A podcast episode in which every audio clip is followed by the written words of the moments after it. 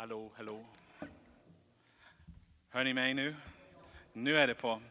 Jag tänkte, Hulde, bara du stannar en liten stund. Det var Hulde som var inte med förra veckan när vi presenterade teamen. Hon var den missande länk. Du är inte den missande länk förresten. Men Så det är Hulde som är bor i huset också, som är med oss i team. Tack. Mm. Okej, okay. är ni vaken? Känner ni färdigt för det? Första Petrus kapitel 5. Nu har ni det även på eh, skärmen också. Nu uppmanar jag de äldste bland er, jag som själv är en äldste och vittne till Kristi lidande och som också har del i den härlighet som ska uppenbaras. Var hedra för Guds jord hos er och vaka över den, inte av tvång utan frivilligt, så som Gud vill. Inte för egen vinning utan med en hängivet hjärta. Uppträd inte som herre över dem som anförtrotts er utan var föredomen för jorden. När den högste herden sedan uppenbarar sig ska ni få härlighetens segerkrans som aldrig vissnar. Herren, vi tackar dig för ditt ord. Tackar alltid levande, alltid tilltalande. Och vi bara ber att du tar det nu och det bränner dig i våra hjärtan genom din heliga Ande. I Jesu namn. Amen. Amen. Nu det känns som nästan ett år, alldeles för länge som jag har hållit på med, med första Petrus. Men nu är det sista kapitlet som jag, jag har börjat där. Så nu, nu närmar vi oss eh, slutet. Men eh, hittills har, har Petrus skrivit till församlingen. hela församlingen. Han försökt, försökte säga till dem, ge inte upp, kom igen. Var fokuserad, ge allt, var generös, var gästfri och allt sådär.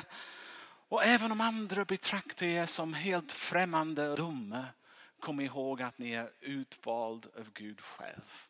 Och att ni är heliga präster som representerar Jesus själv.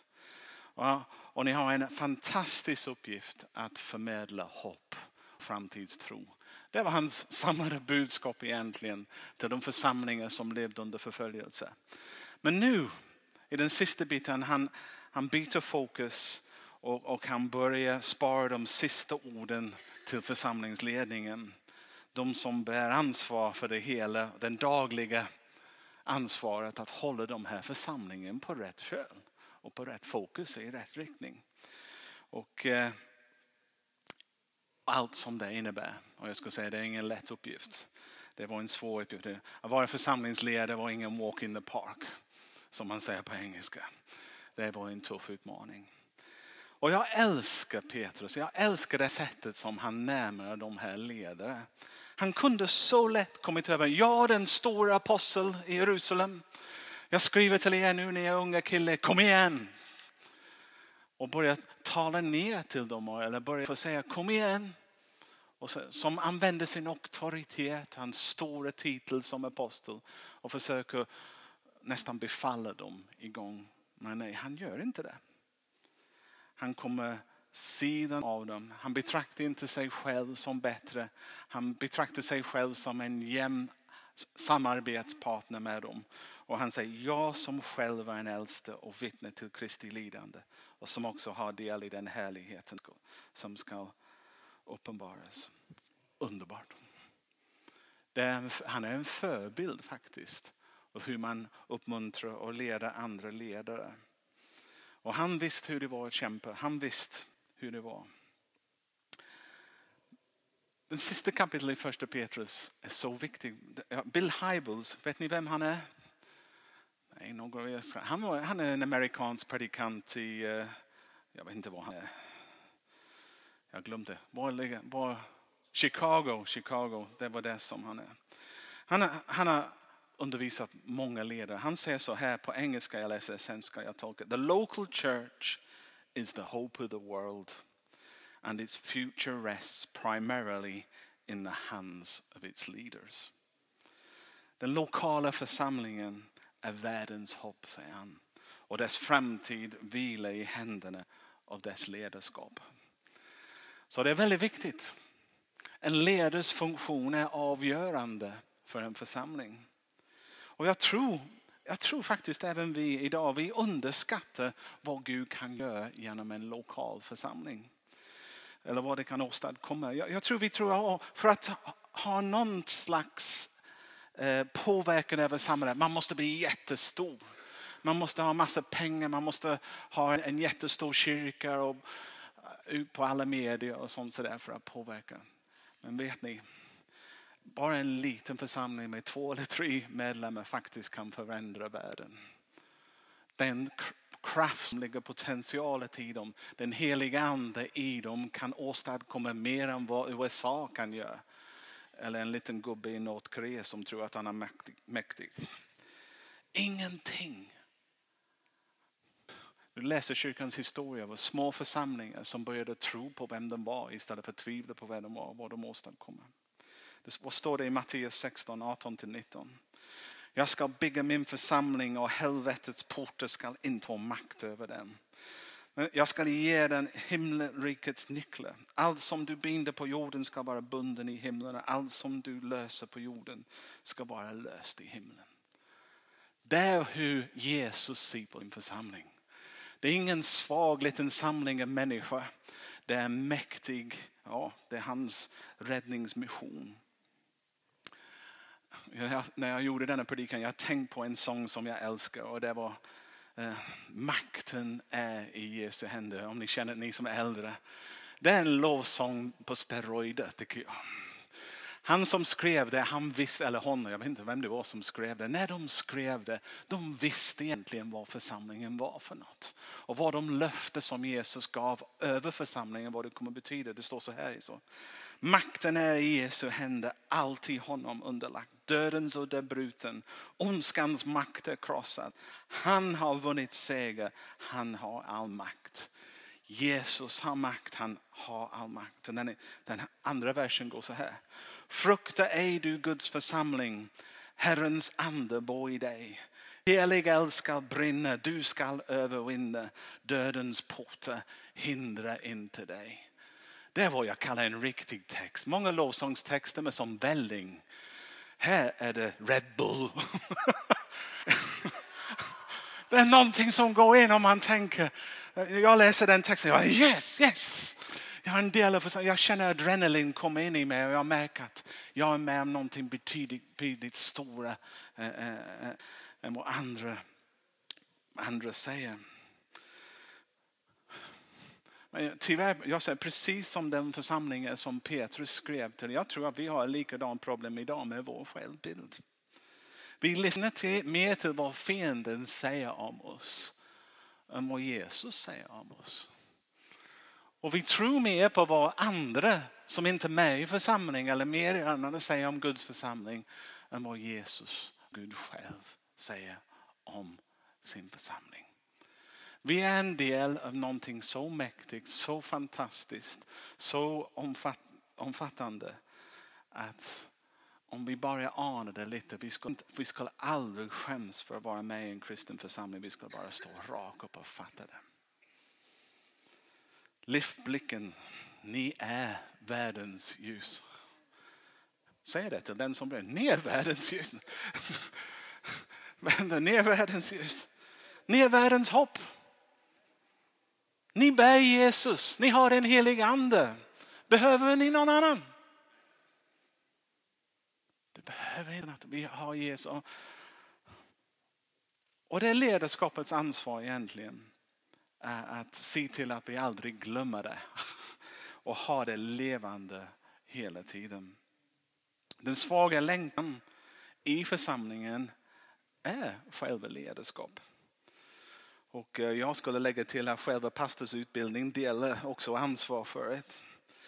Men en församling kommer aldrig förbli sin ledarskap. Och ledarskap, om du är en ledare, nu, nu denna predikan kommer jag kommer predika mot mig själv, men varje gång jag säger ledarskap, tänk Jakob istället för mig. Och då kommer det gå jättelätt och jag känner mig som jag, jag, jag är fri. Men som ledare, man är en propp eller en välsignelse. Så är det. Vi sätter stopp på det som Gud vill eller vi eldar på. Vi sätter tonen eller vi dämpar på något sätt. Ledarskap har en av, avgörande funktion i en församling och vi kan inte komma ifrån det. Om ledarskapet är sunt, då kommer församlingen vara sund. Om, om ledarskapet är, är, är, fel eller passiv, eller så. men församlingen kommer, vara, ja, det kommer drunkna eller sjunka i, i uh, likgiltighetens träsk eller någonting sådär.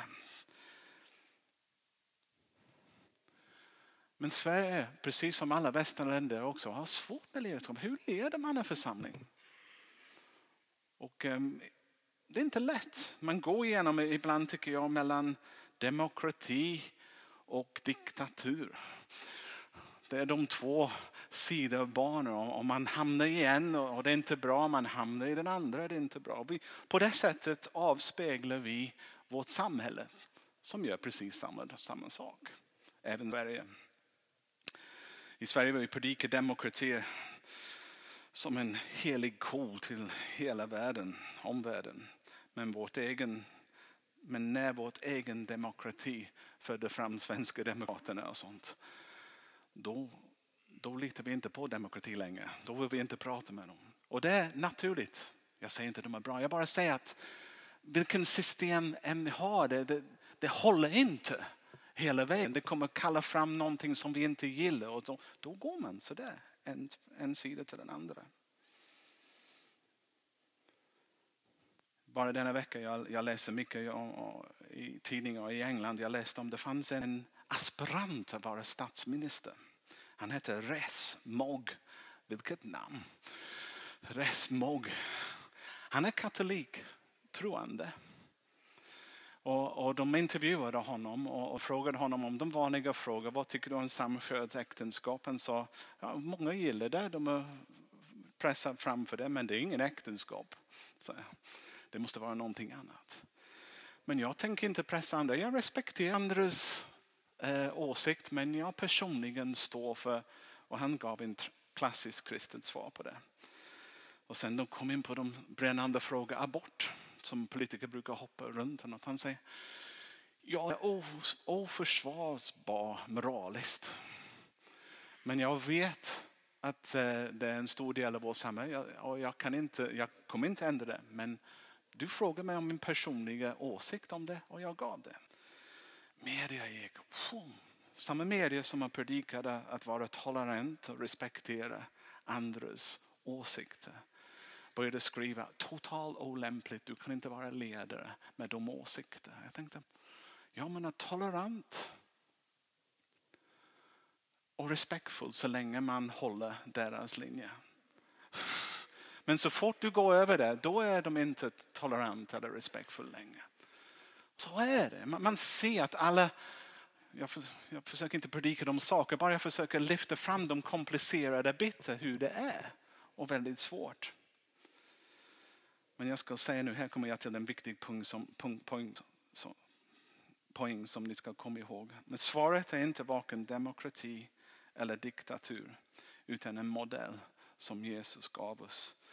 Som andra kallade för teokrati.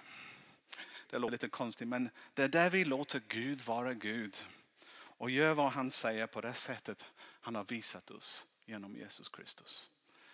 Det är den enda modell som är hållbart. Den utgår ifrån att det finns en auktoritet som är högre än oss själva. Och utanför oss själva. Det finns en auktoritet och det är Gud. Och Gud har uppenbarat sig genom sitt ord som är tidslös och finns till för att hjälpa oss hitta rätt. Så här står det i 2 Timoteus 3 och 16. Hela skriften är utandad av Gud och nyttig till undervisning, till rättvisning, upprättelse och fostran i rättfärdighet. Så att Guds människa blir fullt färdigt, väl utrustad för varje god gärning.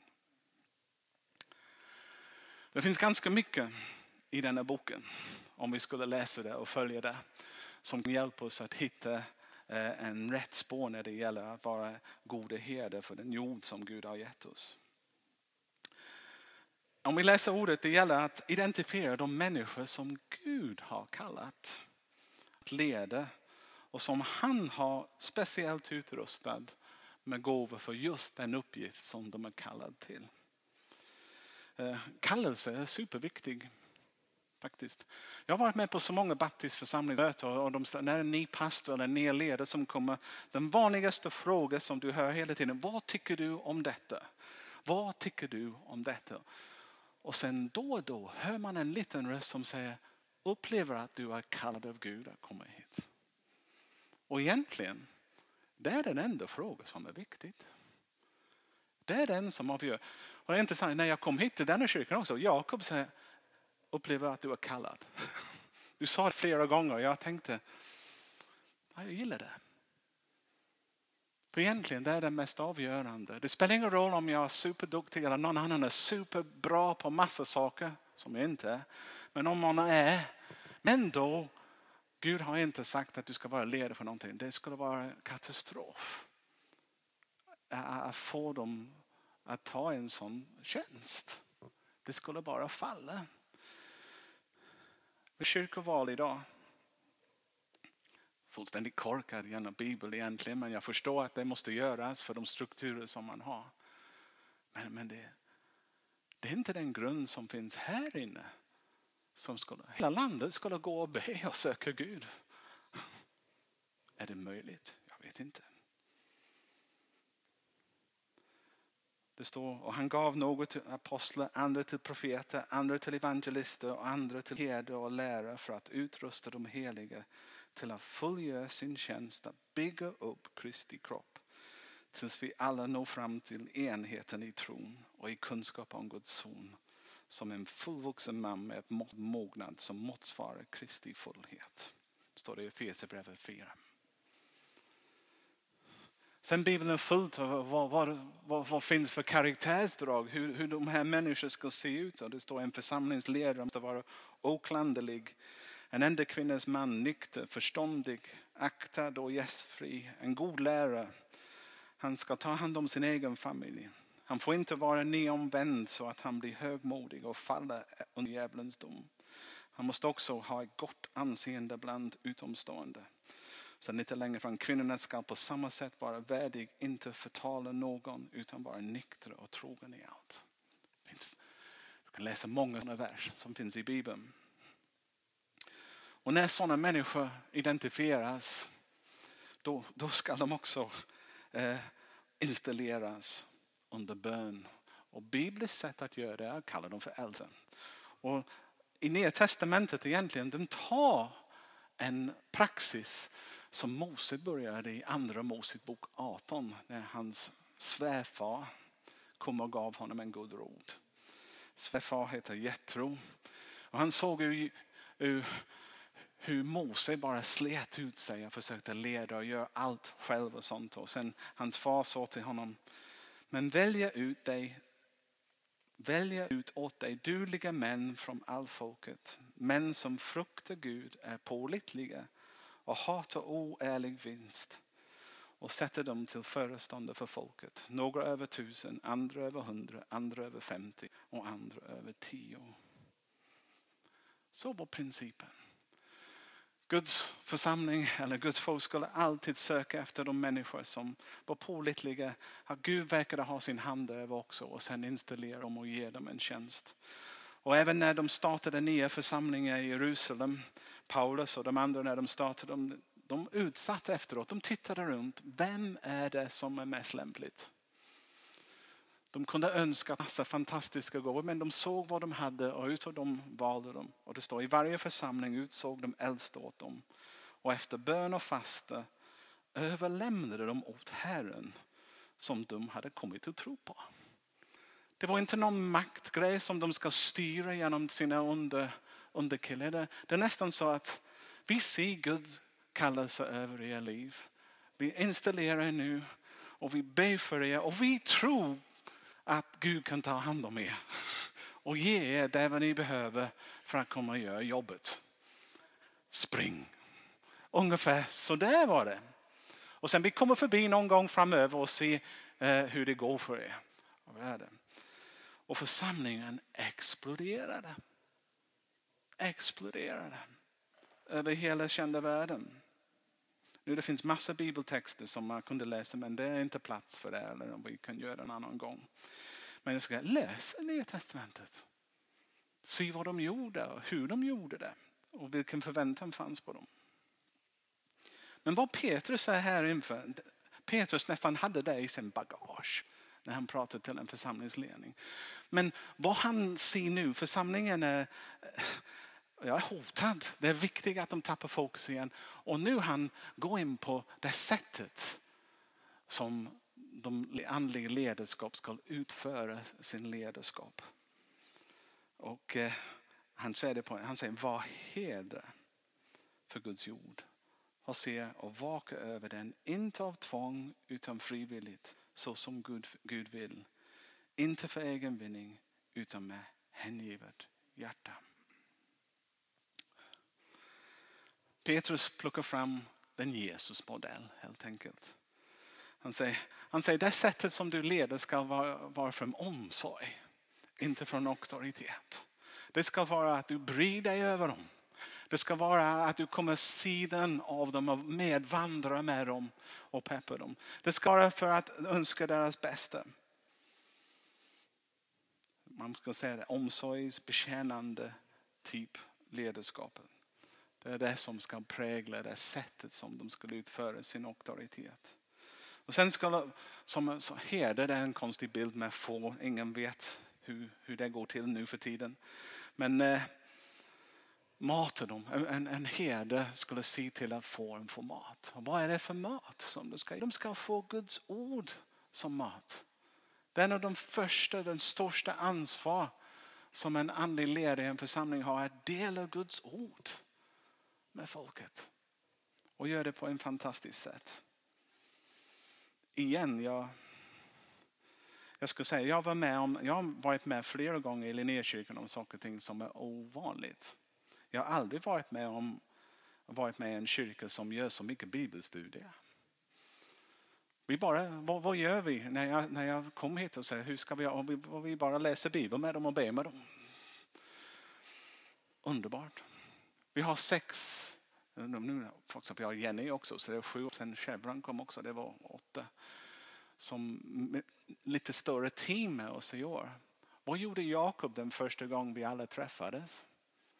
Han, han gick inte igenom vår värdering, vår vision, hur vi ska jobba. Han bara satt där och sa, låt oss ta fram Bibeln, låt oss läsa Bibeln tillsammans och be.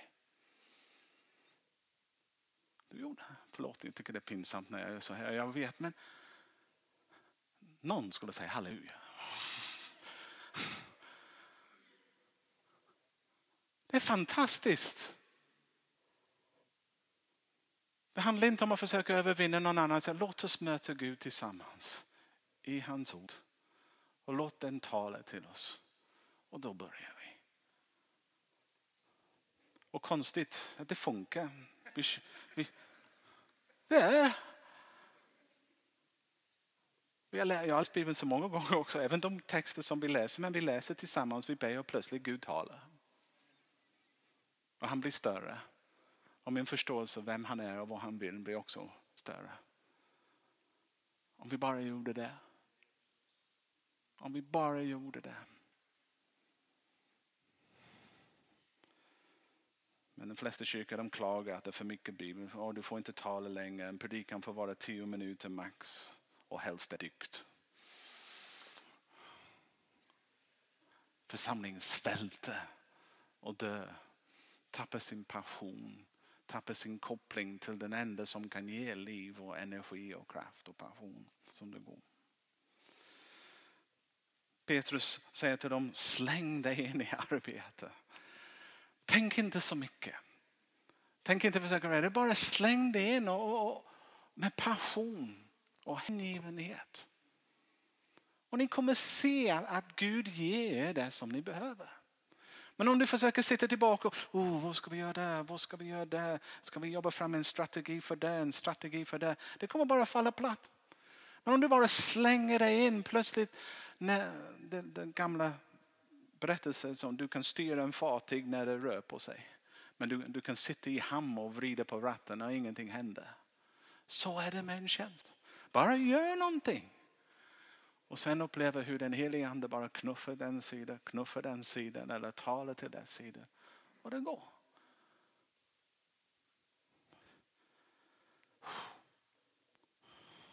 Och sen gör det med glädje. Tänk inte på vinning. Tänk inte på de andra sakerna. Tänk inte på status eller prestige eller allt det där. Strunt i det. Det är bara döden. Under åren jag har lärt mig det är omöjligt att befalla en församling in i Guds rike. Jag är dum nog att jag har försökt flera gånger, men det funkar inte. Att befalla folk och försöka, kom igen nu! Skrika, jag har aldrig varit en skrikande predikant. Eh, bara när kniven går in börjar jag skrika ibland. Men, men det går inte. Det finns bara ett sätt att leda en människa och där kommer sidan om dem och ta dem ett steg i taget och vandra med dem. Och egentligen, de enda människor som jag lyckats leda är de som jag tagit tid med och investerat i på stort sätt. Och så är det som Petrus påminner om här. Lite. Kom igen nu. Det är den typ av ledarskap som ni måste utföra för att hålla människor fokuserade, hålla dem brinnande. Tänk om församlingen hade också lärt denna princip. Hur många, under åren, hur, hur många gånger har Guds församling försökt eh, eh befalla folk utanför kyrkan att lyda Gud? Talar om för dem, aja baja, gör inte så, bla, bla, bla, bara typ någon moralisk kompass som säger vad de ska och inte ska göra. Tror du att folk lyssnar? Nej. Men om församlingar har gått med dem, vandrat med dem lite i livet, gått i deras skor, se hur de har det, älskat dem, betjänat dem, gett tid åt dem och talat in i deras situation. Tror du att det skulle varit annorlunda? Självklart skulle det bli annorlunda. Det är det sättet som man ska göra det. För att kunna göra det, det krävs mycket. Om vi gör det Jesus sättet, det är mycket nåd och sanning. De hårda ord kan komma men utan nåd gör de skada. Men utan stora nåd kan du inte säga stora sanningar. Och nåd och sanning till mig är lika med kärlek. Och det är på det sättet som, som det behövs. Och jag tycker Petrus är väldigt klok. Han vet att församlingsöverlevnaden beror på hur de ledare leder. Han vet att de är utvalda. Han har sett att de redan har det som behövs. Hans jobb är bara att påminna dem att titta på Jesus när det gäller hur du tjänar. Lär från honom, inte från din omvärld som har en förvrängd sätt att betrakta ledarskapet till sist. Jag tänker jag måste landa i Linnékyrkan på något sätt. Hur är det med oss? Uh. Som jag ser det är förutsättningar unik i Sverige som vi har det idag. Jag har sagt flera gånger att eh, jag aldrig varit med om en församling där jag får faktiskt jobba med evangeliet. En stor del av min tid som pastor över 20 år har varit politiskt aktiv och försöker påverka de styrande familjer i församlingar att samsas och jobba åt en riktning. Eller försöker tänka hur kan jag, den församlingstradition av att göra saker på det sättet, hur kan jag koppla det till ungefär vad Gud vill göra? Och sånt. Det var mycket sånt jobb. Här har vi ingen tradition att ta hänsyn till egentligen. Och eh, vi är fri faktiskt att kunna jobba med bibelläsning, vandra med människor, prata med dem, hjälpa dem praktiskt och sånt sådär. För vi behöver inte tänka på alla de andra praktiska grejerna för någon annan styrelse tar hand om det. Underbart. För mig är det, du får jobba lite, jag vet, men jag är befriad, helig befriad. Så det går. Och står det så här, tänk inte på det som har hänt säger Jesaja. Bry er inte om det som var för. Se, jag gör någonting nytt. Redan nu visar det sig. Märker ni det inte? Jag skall göra en väg i vildmarken och strömmar i öknen. Det är från Jesaja 43. Och jag tror det är ett ord för Linnékyrkan. Gud alltid gör någonting nytt. alla tider och alla generationer. Han är inte bara den som håller på att fortsätta göra det som han aldrig gjort. Han alltid gör någonting nytt. Och då är det viktigt att vi som församling hänger med. Och jag tror vi har förutsättningar för att kunna hitta ett nytt sätt att bli församling. Hitta ett nytt sätt att leva ut det. Hitta ett nytt sätt att missionera. För vi är ny. Ledarskapet i denna församling är inte perfekt. Jag har ju ingen påståelse att vi är det, men jag vill säga någonting. Vi vill följa Jesus. Vi vill följa honom så nära det bara går. Och vi vill inte bara göra det som vi aldrig gjort, utan det som han visar oss. Jag vet att Jakob och jag, vi har pratat, när jag kom och tackade ja till den församlingen, jag, jag, jag kände som Gud sa, är du beredd att lära om dig hur du ska utföra en tjänst? Jag kan så mycket annat, jag har gjort det. Och jag tänkte, ja, jag är beredd att nollställa mig. Och jag samma, och, och till och med Bernt, vi är beredda att nollställa oss. Och tänka, okej, okay, det är en ny papp, blad och papper. Gud, vad vill du att vi ska göra?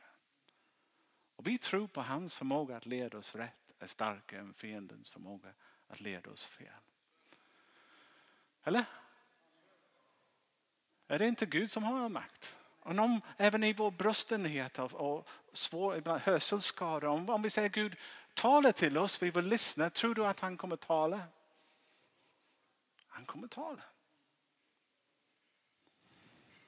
Och även om vi är bristfälliga, även om vi inte är perfekta, vi, vi älskar Jesus. Vi är här bara på grund av en kallelse, inte något annat. Det är inte status vi är för. Det är inte att bygga ett namn. Vi älskar att läsa Bibeln med folk. Vi vill att ni känner till Guds ord. Vi vill att ni känner till dess kraft. Vi vill att ni möter Gud i ordet om och om igen. Vi är inte bundna av omöjliga struktur. Vi är passionerade och har mycket kul. Vi har ingen annan mål än att se Guds rike gå fram. Att se Jesus proklamerad, att forma lärjungar och bygga församlingar och utvidga Guds rike. Och sist, men inte absolut sist, vi tänker inte ge upp. Tänk inte ge upp. Varför skulle man ge upp? Jag har läst boken. Det slutar att Guds församling är över hela världen. Visste ni det? Vi vinner. Det är sant. Tror ni på det? Jag tror vi har börjat äventyr som vi kommer nippa oss och säga, är det verkligen så? Är jag med om detta? För vi är med i Guds församling, vi följer honom. Och så långt vi kan om vi uppmuntrar varandra kommer vi göra det också på Jesus sätt. Så vi inte missar något. Som jag. Må Gud hjälpa oss. Må han göra vad behövs. För jag tror att framtiden är ljus. Framtiden är ljus för Guds rike över församlingen stort och framtiden är ett ljus för den nya kyrkan. Ja, några tror på det. Jag tror på det. Amen.